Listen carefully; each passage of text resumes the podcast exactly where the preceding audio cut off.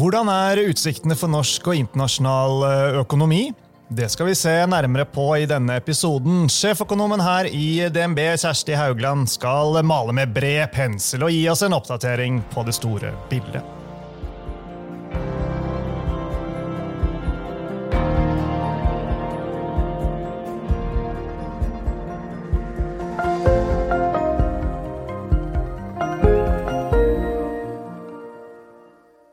Velkommen til eh, Utbytte, DNB-podkasten der vi forklarer hva som skjer innen den globale økonomien og eh, finansmarkedene.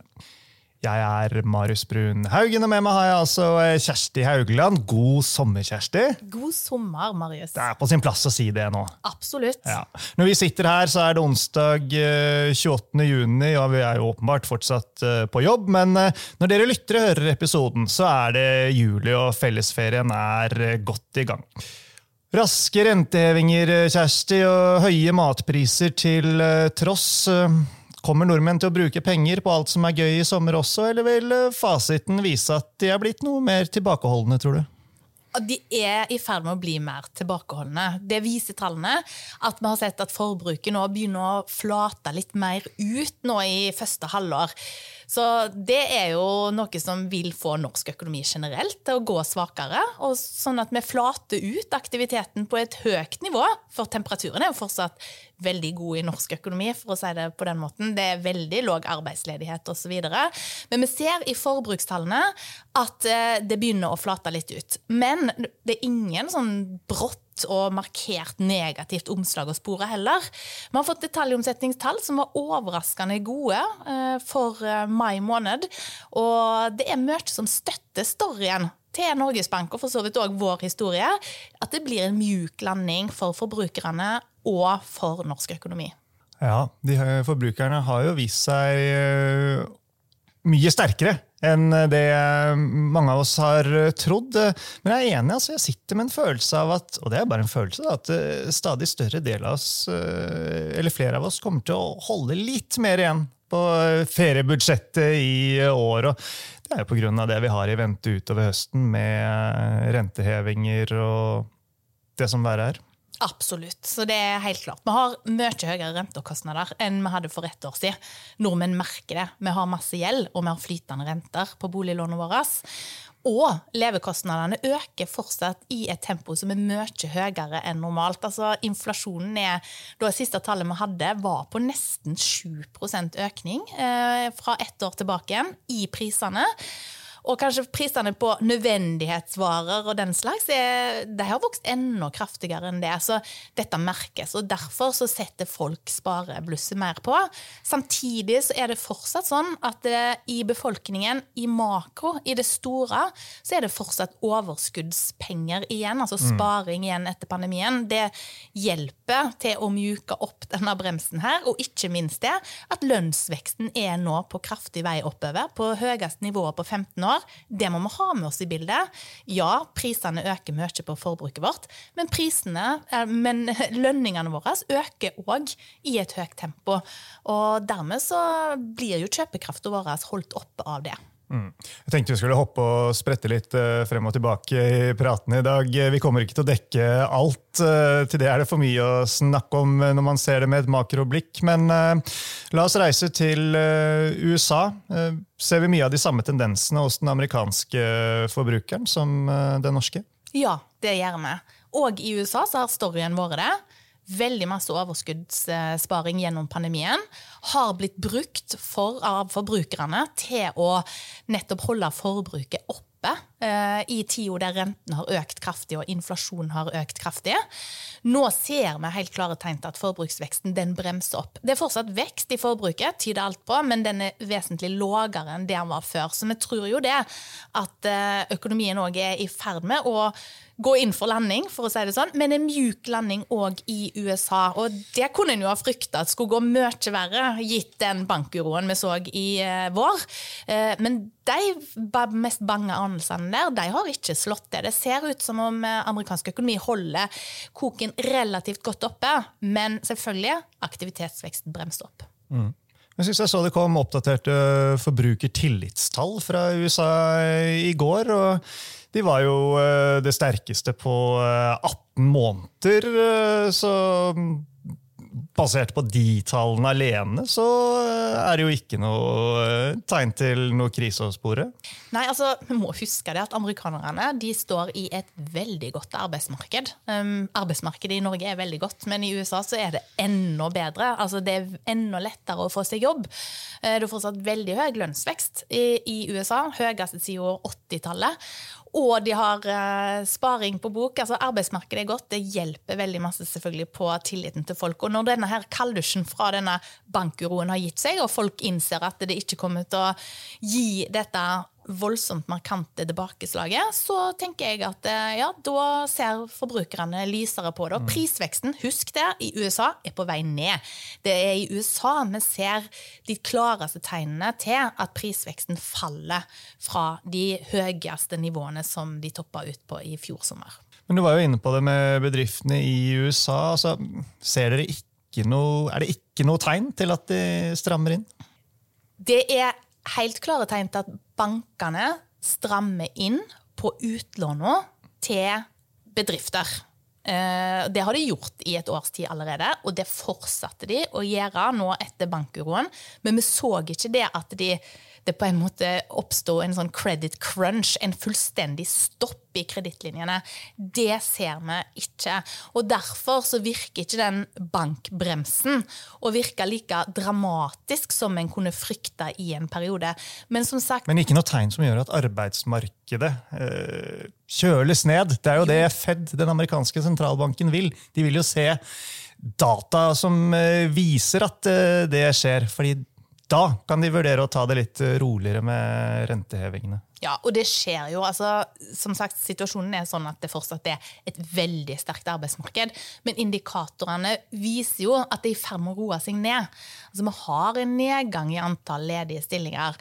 Vi ser at det er alle de indikatorene som vi kan se på, med, som viser sånn voldsomt press i arbeidsmarkedet. Det begynner å avta, men det skal, vi har en veldig lang vei å gå før det går over til å bli et arbeidsmarked som er kjølig, der det er rift om jobbene. Nå er det fortsatt rift om arbeidstakere. Mm. ikke sant? Så det er arbeidstakernes marked fremdeles. Men ja, vi ser tegnene på at dette er i ferd med å kjøle seg ned. ja. ja. Men blir det, eller blir det ikke resesjon i USA i andre halvår? Men jeg tror fortsatt det blir resesjon, men en veldig mild type resesjon. Eh, så det, det, er våre prognoser. At eh, i andre halvår så skal vi etter hvert begynne å se at aktiviteten daler noe, men på en udramatisk måte. Og vi mener jo at det er gode grunner til at den nedturen blir udramatisk, og det er fordi, særlig fordi gjeldsnivået er vesentlig lavere enn det var før finanskrisa. I husholdningene, i bedriftene òg. Eh, og vi ser at her, den fallhøyden som var så uendelig stor i forkant av 2008, når det virkelig smalt, vi er ikke i nærheten av den fallhøyden nå. Heller ikke på investeringssida. Vi har ikke hatt sånn en voldsom investeringsboom som kommer til å sprekke etc.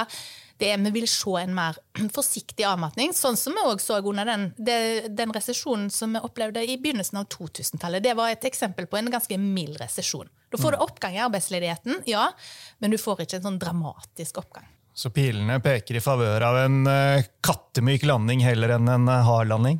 Det syns jeg var en veldig god måte å beskrive det på. Bare for å bare understreke det, da, nå ser vi jo faktisk at boligmarkedstallene er veldig gode fra USA.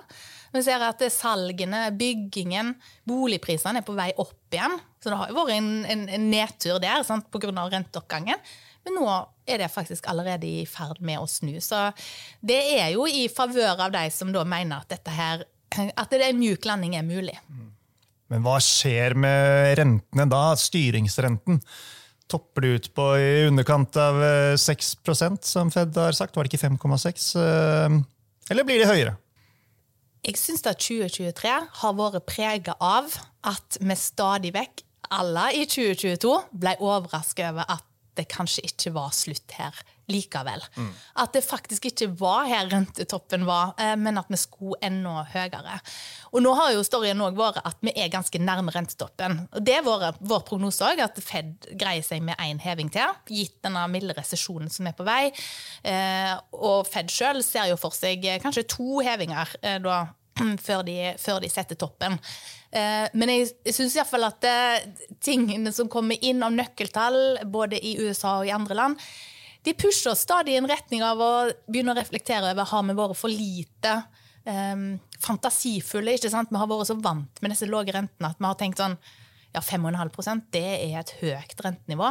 Men husk at inflasjonen fortsatt er veldig høy. Eh, så det kan hende at vi må strekke forestillingsevnen vår enda litt lenger. Så jeg vil si det er mer risiko i mine ører for at rentetoppen blir høyere enn 5,5 enn at den blir eh, lavere. Mm. Vi reise videre til eh, Kina. Der var det liksom optimisme ved inngangen til året. og så har det skuffet litt. Ehm, kan de overraske på oppsiden? Kan det komme noen store stimulanser? Eh, eller ehm, vil det holde seg på den litt svake siden fra Kina, for de har sine problemer å slite med.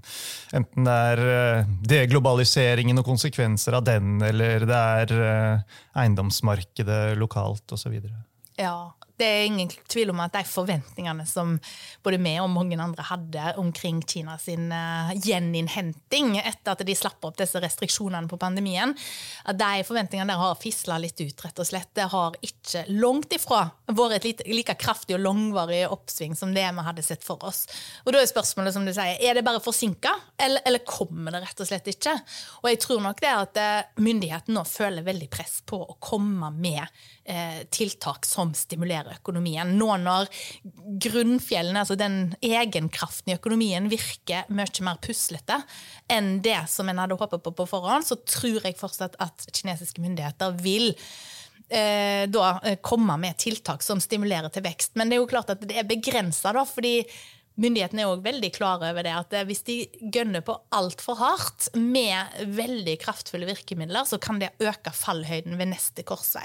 Så det er en veldig tynn linje de, de balanserer på her, eh, myndighetene. At eh, de, de, må passe på at de ikke går på en hard landing senere, at de ikke skaper ubalanser som, som gjør det eh, sannsynlig.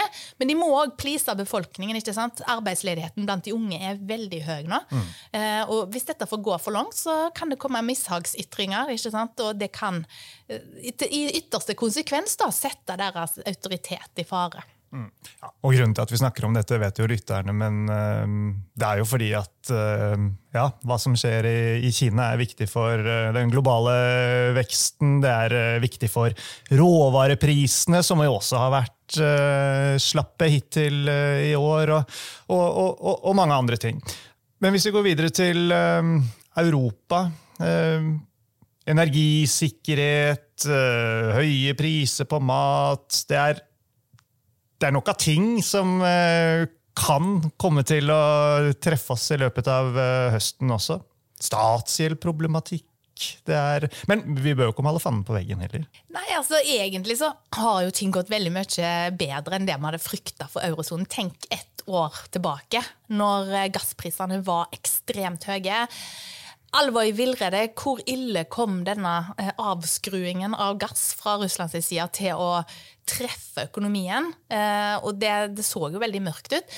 Jeg vil jo si Ett år seinere har vi jo annet sett at gassprisene er veldig mye lavere enn de var. De har løst opp i veldig mange av de utfordringene de fikk i fanget for ett år siden.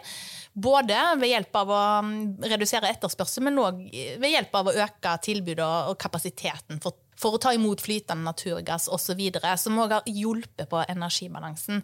Så de går jo inn i, i neste vintersesong nå, mye bedre rusta. Eh, og det, risikoen for at dette her skal virkelig gå ille i neste sesong, den framstår jo nå som vesentlig dempa. Det er fulle energilagre der, eh, så, så, der har en på en måte den bufferen en, en trenger. Fulle gasslagre. Mm. Og gassprisene har som sagt eh, gått, gått kraftig ned. Så Så det er mange ting som virker litt mer positivt nå. Og så er, ligger det jo i bånn òg at det er store investeringsbehov i Europa. Knytta til klima- og energiomstilling, knytta til forsvar. Altså, det er veldig mange store investeringsprosjekter på gang. Og det som du sier, det er kanskje ikke så positivt for statsgjeldsproblematikken. Men jeg tror ikke det seiler opp helt ennå, som den store. Men på en mer langsiktig basis så tror jeg vi skal være veldig så, på vakt for det. Så i sum så er det grunn til å tro at uh, den europeiske økonomien, da, hvis vi skal kalle det det, vil uh, klare seg relativt uh, greit gjennom høsten og inn i vinteren? Ja, eh, men det betyr, relativt. relativt. Det er bra du sier relativt. fordi er det, alt er jo relativt til hva en kanskje skulle forvente gitt situasjonen med kraftig økende renter og fortsatt høy inflasjon osv. Så, videre. så så så tror jeg altså, det blir en relativt mjuk landing der òg. Eh, det er mye den samme storyen. Altså. Mm. Det, er, det går bedre enn frykta. Eh, selvfølgelig er forbrukerne mer tilbakeholdne nå, det er de. Men det er fortsatt et veldig sterkt arbeidsmarked. og Det spørs om det kommer til å i året som kommer, å, å egentlig bli en situasjon der det er stor arbeidsledighet. For som sagt, det er stor behov for arbeids, eh, arbeidskraft, og kanskje mer problemer med å få tak i arbeidskraft. Eh, og det, skal, det, er mye som skal gjøres på det europeiske kontinentet fremover i form av omstilling. Det kommer til å kreve arbeidskraft. Mm. La oss avslutte med å reise hjem igjen. Da. Hvordan blir høsten for norsk økonomi? Høsten vil nok være prega av eh, en, en lavere fart. Altså at vi flater videre ut på et høyt nivå. Kanskje det blir noe nedgang. Kanskje nettopp den høyere rentetoppen fra Norges Bank fører til et, et svakere boligmarked. Selv om jeg vil jo si at det er fortsatt sånn altså nyboligbyggingen eh, den, jo, den, faller jo. Den faller kraftig. Og det i seg sjøl er jo med på å redusere nedsiderisken for boligprisene betraktelig. Ikke minst i sentrale områder, og særlig på Østlandet.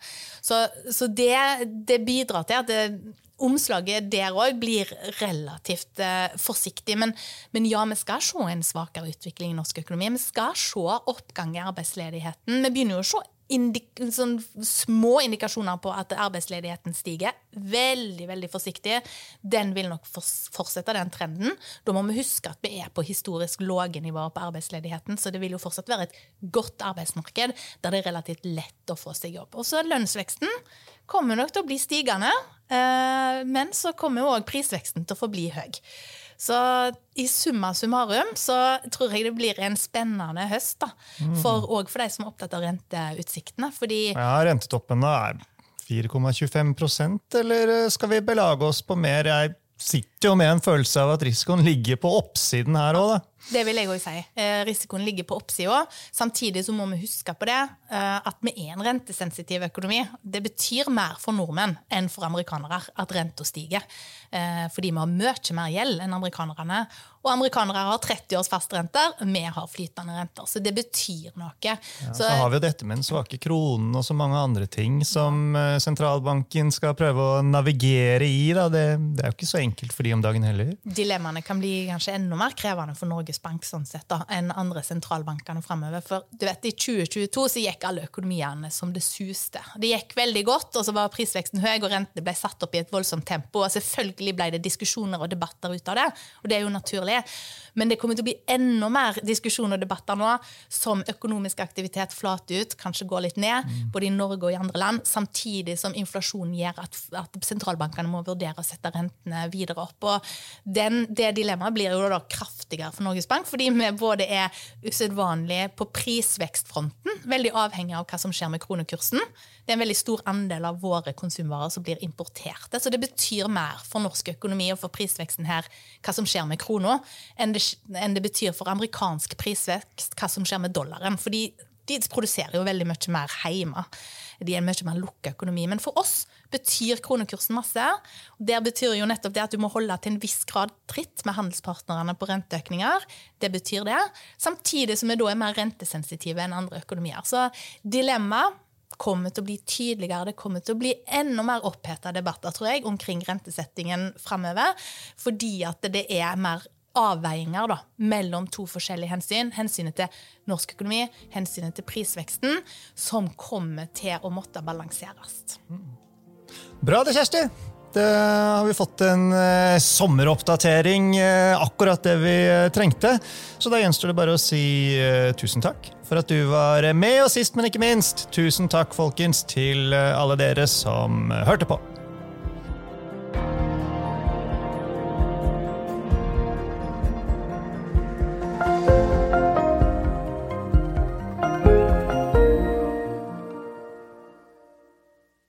Denne sendingen ble publisert i podkasten Utbytte. Innholdet i sendingen er å anse som markedsføringsmateriale fra DNB og er ment å være generell spareveiledning. Sendingen skal ikke oppfattes som et tilbud om å kjøpe eller selge finansielle instrumenter, eller som investeringsrådgivning tilpasset den enkelte investors situasjon. En investor som har behov for råd eller har spørsmål og informasjon som gis, bør kontakte en finansrådgiver. DNB påtar seg ikke noe ansvar verken for direkte eller indirekte tap som følge av innholdet i sendingen legges til grunn for eventuelle investeringsbeslutninger. Husk at historisk avkastning aldri er noe garanti for fremtidig avkastning. Avkastningen kan bli negativ som følge av kurstap. Bruk av prognoser for å beregne fremtidig avkastning er heller ingen garanti for fremtidig avkastning. Innholdet i sendingen bygger på informasjon fra offentlig tilgjengelige kilder som DNB ser på som pålitelige, men som ikke er uavhengig verifisert. Følgelig gir DNB ingen garanti i forhold til nøyaktighet og fullstendighet. Alle uttalelser her reflekterer DNBs, den enkelte ansatte, eller andre tredjeparts vurderinger på tidspunktet for den aktuelle sendingen, og kan i ettertid endres uten nærmere beskjed. Ytterligere informasjon om annet kildebruk og interessekonflikter er tilgjengelig på dnb.no skråstrek invest, bindestrek disclaimer.